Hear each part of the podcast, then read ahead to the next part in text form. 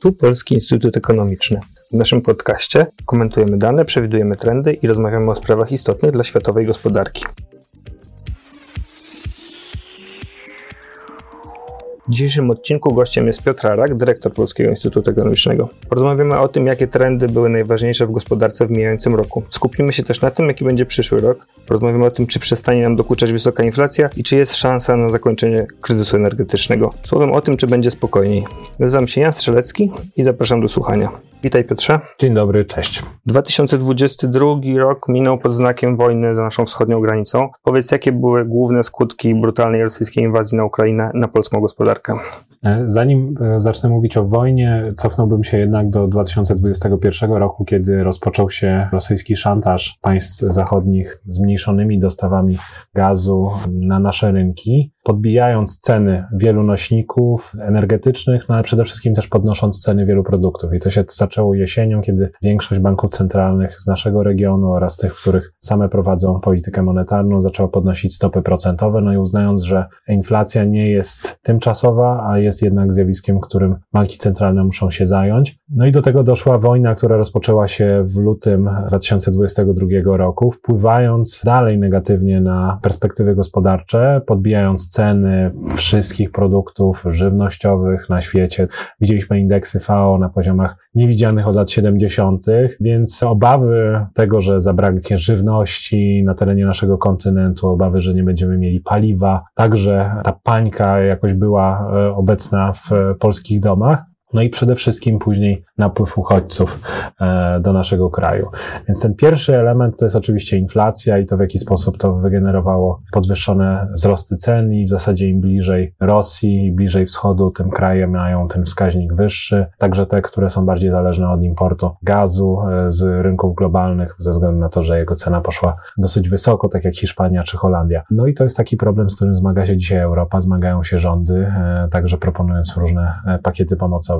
I druga kwestia to jest ten napływ uchodźców. I o ile inflacja jest zjawiskiem negatywnym, o tyle ponad milion osób, które przyjechało do Polski, zostało najprawdopodobniej według szacunków większości demografów i gdzieś jest obecna na naszym rynku, zasiliła szeregi pracujących osób w naszej gospodarce. No i jednak korzysta też z usług publicznych, wydała swoje oszczędności, wynajęła mieszkania albo korzystała z gościny e, Polaków. To jest coś takiego, co wpłynęło pozytywnie na wzrost gospodarczy, co jest paradoksalne, że wojna wygenerowała e, ruch e, ludności, który zwiększył konsumpcję, zwiększył sprzedaż, sprzedaż detaliczną na terenie naszego kraju, no i o niespełna jeden punkt procentowy podbił dynamikę wzrostu PKB w tym roku, dlatego on wynosi aż 4,5%. Ten kontekst, o którym powiedziałeś, e, tych oczekiwań najgorszych dotyczących braku żywności, braku paliw, kryzysu związanego z migracją, e, faktycznie daje taki dobry oddech, że może jest lepiej niż się spodziewaliśmy tak naprawdę. Ale mamy też w ostatnim czasie e, stosunkowo dobre dane głosu o polskiej gospodarce. Dobre to znaczy lepsze niż oczekiwania, to znaczy one nie są rewelacyjne oczywiście, no ale też spodziewano się gorszego scenariusza. Dane o produkcji przemysłowej, dane o rynku pracy sugerują sugerują też, że to spowolnienie, które prawdopodobnie, jak rozumiem, będziemy obserwować, może nie być tak głębokie. Czy to jest ogólnie właśnie taki raczej optymistyczny scenariusz, tak to widzisz? Powiedzmy tak, no z perspektywy pewnie pracowników i tego, co by się mogło wydarzyć na rynku pracy, gdyby to spowolnienie było bardzo głębokie, to jest oczywiście informacja bardzo optymistyczna. Natomiast bankowi centralnemu i polityce monetarnej w sytuacji podwyższonego wskaźnika inflacji, daleko odbiegającego od celu inflacyjnego, zależy, żeby zatrzymać proces wzrostu cen, czyli żeby wygenerować spowolnienie gospodarcze, a nawet recesję. No i to jest cel każdego banku centralnego, który podnosi stopy procentowe. Ryzyko jest takie, że w momencie, w którym te bardzo dobre sygnały pochodzące z polskiej, amerykańskiej gospodarki nadal nie zmaterializują się w postaci realnego spowolnienia, czyli nawet recesji w niektórych państwach strefy euro przez kilka miesięcy, może w Stanach Zjednoczonych, nie spowodują zatrzymania dynamiki wzrostu cen. No i wtedy e, będzie pytanie o tym, czy banki centralne dalej nie powinny podnosić stóp procentowych. Jeżeli by się nie zmaterializował scenariusz, w którym ten pierwszy kwartał, drugi kwartał by były słabe dla globalnej gospodarki i te czynniki dezinflacyjne wynikające ze spowolnienia gospodarczego by radykalnie po prostu nie obniżyły naszych oczekiwań. Jednak pojawiłby się jakiś lekki wzrost bezrobocia zarówno w Ameryce, jak i w Europie kontynentalnej, także w Polsce. Nie mówię o jakimś dużym wzroście, no ale że to bezrobocie rejestrowane przebiłoby pewnie, nie wiem, odczyt 6%. No i to by było te jakieś 100 tysięcy osób, które by było bezrobotne więcej na, na naszym rynku pracy, co nie jest dramatyczne, jest porównywalne z sytuacją pandemiczną, ale, no ale jest oczywiście dramatem każdej, każdej z tych osób, no ale też jest oczekiwane jako konsekwencja podnoszenia stóp procentowych i spowalniania gospodarki. Więc ryzyko wbrew pozorom jest takie, że to lądowanie gospodarki polskiej i europejskiej może być zbyt miękkie w stosunku do tego, żeby zastopować wskaźniki inflacyjne. No i to jest zarówno to ryzyko in plus, no ale także in minus. To znaczy, że to lądowanie może być nawet gorsze niż się spodziewamy, czyli że pomimo tego, że mamy dzisiaj dobre odczyty gospodarcze, to na początku przyszłego roku, między innymi dlatego, że napłynie do nas dodatkowa fala uchodźców, ale już raczej wymagających pomocy, opieki. Nie wiadomo, jak się rozwinie sytuacja militarna. My tutaj się nie zajmujemy jakby scenariuszami wojskowymi, ale też jakieś załamanie na froncie ukraińskim może doprowadzić do jakichś daleko idących konsekwencji dla gospodarki europejskiej, no a także dla gospodarki światowej. No i wtedy będziemy dopiero mówić o zupełnie innych realiach, bo może się okazać, że ta recesja będzie głębsza, e, problemy na rynku pracy będą większe, problemy z nośnikami energii będą jeszcze większe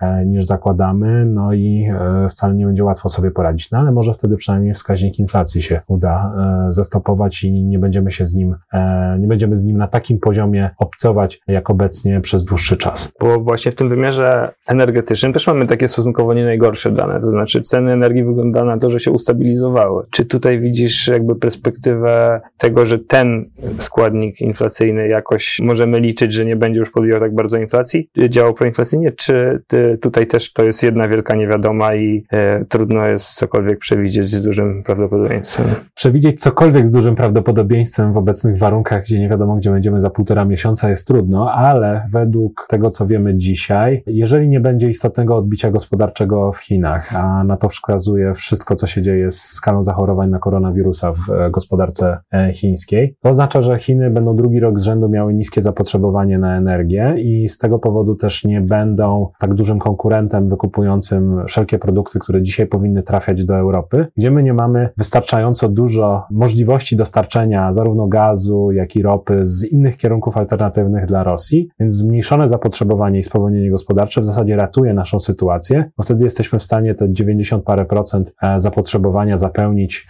tymi kierunkami, które mamy. Czy to państwa Bliskiego Wschodu i Zatoki Perskiej, czy to Kanady, Norwegii i Stanów Zjednoczonych, jeżeli chodzi o zarówno gaz i ropę. To jest taka kwestia optymistyczna, czyli że przejdziemy przez ten kryzys taką ścieżką bez żadnego ogromnego załamania albo na rynku pracy, albo generującego bezrobocie, ale no, gdyby pokazało się tak, że Chiny się odbijają gospodarczo, że Stany Zjednoczone też nie notują tak dużej recesji, no to okaże się, że zapotrzebowanie na na nośniki energii wszędzie jest duże i okazuje się, że konkurujemy znowu wysokimi cenami. I CAP, który dzisiaj na przykład zaproponowała na, czyli ceny maksymalnej na gaz wynoszącej 180 euro, który jest absurdalny z dzisiejszej perspektywy, kiedy gaz kosztuje 90, 100, 100, dolar, 100 euro na rynkach, może się okazać, że znowu będzie potrzebny jako e, coś, co trzeba będzie zaimplementować, bo znowu wrócimy do ceny gazu, która sięga nawet kilkuset dolarów w tych e, kontraktach krótkoterminowych, więc to wszystko jest dosyć dosyć dynamiczne i jest tak dużo różnych czynników przy tej naszej zglobalizowanej gospodarce, które mogą wpłynąć na to, co się wydarzy, że, że musimy mieć dodatkowe czynniki asekuracyjne. W ogóle w ja... W tym wymiarze energetycznym jest jeszcze jeden wielki niewiadom, jedna wielka niewiadoma, czyli kwestia pogody i tego, jak to wpłynie na nasze e, zasoby magazynowe. Dokładnie. No jeżeli będziemy mieli do czynienia z dalej tym okresem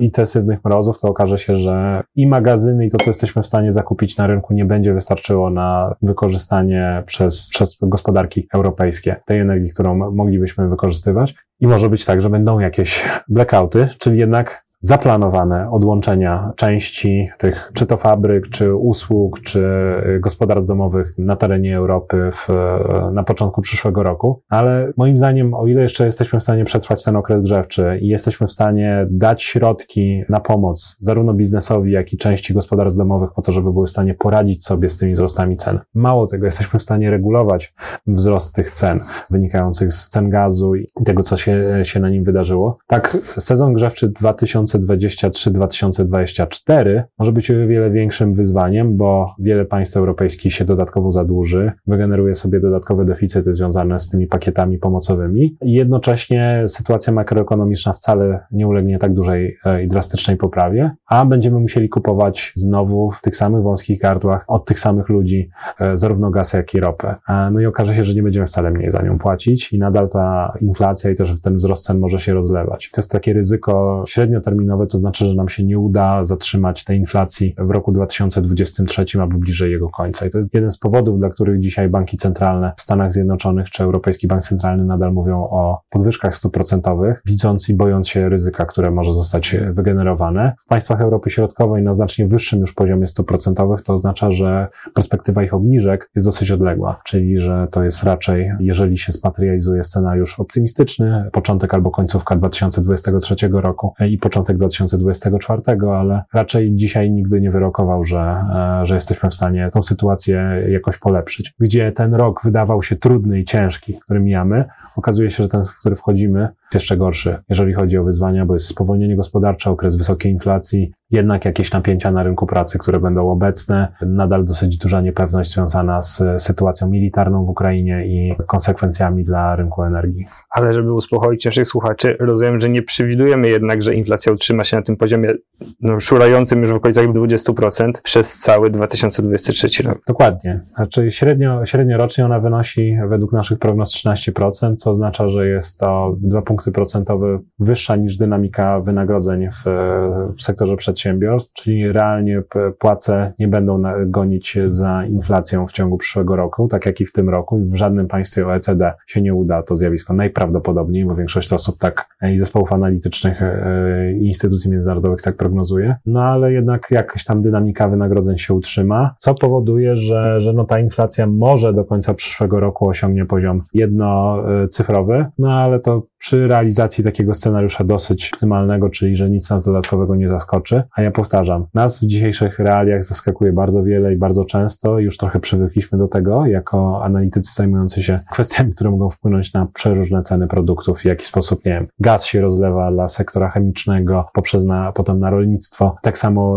rynek paliwowy, no ale ta niepewność co do tego jeszcze, co się może wydarzyć na początku przyszłego roku jest widoczna w badaniach przedsiębiorstw, ale jest też widoczna w naszej pracy. A czy to w takim razie może mieć przełożenie na nastroje społeczne, jakieś ich znaczące pogorszenie, czy wybuchy niezadowolenia społecznego wręcz, no bo do tej pory właśnie tak, szczerze mówiąc, wbrew moim oczekiwaniom, duży napływ y, na przykład migrantów z Ukrainy nie spowodował jakiegoś drastycznego pogorszenia nastrojów społecznych, czy jakichś problemów. Czy 2023 właśnie uwzględniając tą już długotrwałą inflację i kolejnych ludzi, którzy będą szukali schronienia przed y, zimnem, chłodem, które w tej chwili w Ukrainie panuje, może podać u nas w Polsce jakieś poważne problemy? W tych kolejnych miesięcznych odczytach, które robi CEBOS oraz inne instytucje badawcze, widać, że ten sentyment względem Ukrainy spada. To znaczy już nie jest tak optymistyczny jak na początku wojny, co jest dosyć naturalne, bo musimy borykać się z konsekwencjami takimi codziennymi tego, że nie wiem, masło jest droższe w związku z tym, co się dzieje. Kwestią jakby bardzo odległą jest to, że jednak e, Ukraińcy walczą o swoje życie, a my dzisiaj bardziej myślimy o, nas, o nas samych, o kosztach. Natomiast nadal wśród Polaków wydaje mi się, że to nastawienie jest o wiele mm, silniejsze niż w niektórych państwach Europy Zachodniej, czyli że nadal mamy świadomość tego, że ta wojna jest jednak dosyć bliska e, i też przede wszystkim, że Ukraińcy bronią nas i częściowo naszych interesów, e, tego, żebyśmy byli państwem niezależnym.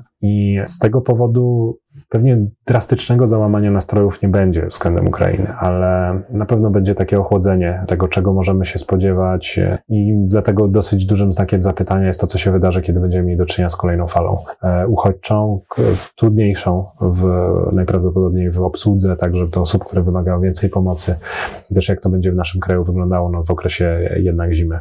Ja nie wiem, nie umiem odpowiedzieć na to pytanie, to znaczy jak się, jak się będziemy zachować. Na razie i do tej pory, powiem szczerze, Polacy mnie pozytywnie zaskakują. To jest moje przeświadczenie z, tego roku, z wielu miesięcy i rozmawiając z ludźmi po drugiej stronie Atlantyku, jesteśmy postrzegani trochę podobnie jak, może porównywalnie jak podczas karnawału Solidarności z 81 roku, to znaczy jako państwo, które, społeczeństwo, które się sprzeciwiło wtedy komunizmowi, a dzisiaj jesteśmy krajem, który pomaga swoim sąsiadom i w zasadzie robi to bezproblemowo. To jest jednak rzecz niesłychana, zwłaszcza jak się tłumaczy obcokrajowcom, że Ukraińcy mogą bez problemu podejmować pracę w Polsce, przyjeżdżając jako uchodźca. No i że to się dzieje. Z perspektywy Amerykanina nie, nieprawdopodobne albo kogoś nawet z, z bardziej odległych rejonów świata. Tak, no i dane, dane z ZUS-u z kolei wskazują na to, że dzieje się to, też to w bardzo dużym odsetku. Ale powiedz jeszcze jedno ostatnie pytanie, takie z kategorii właśnie trochę przewidywania przyszłości, political fiction. Co musiałoby się stać, żeby to rozchwianie gospodarcze się, yy, się uspokoiło? Czy na przykład, już zakładając właśnie takie scenariuszowe myślenie, zakończenie korzystne dla Ukrainy konfliktu na wschodzie przyniesie nam także uspokojenie sytuacji gospodarczej, poprawę sytuacji gospodarczej?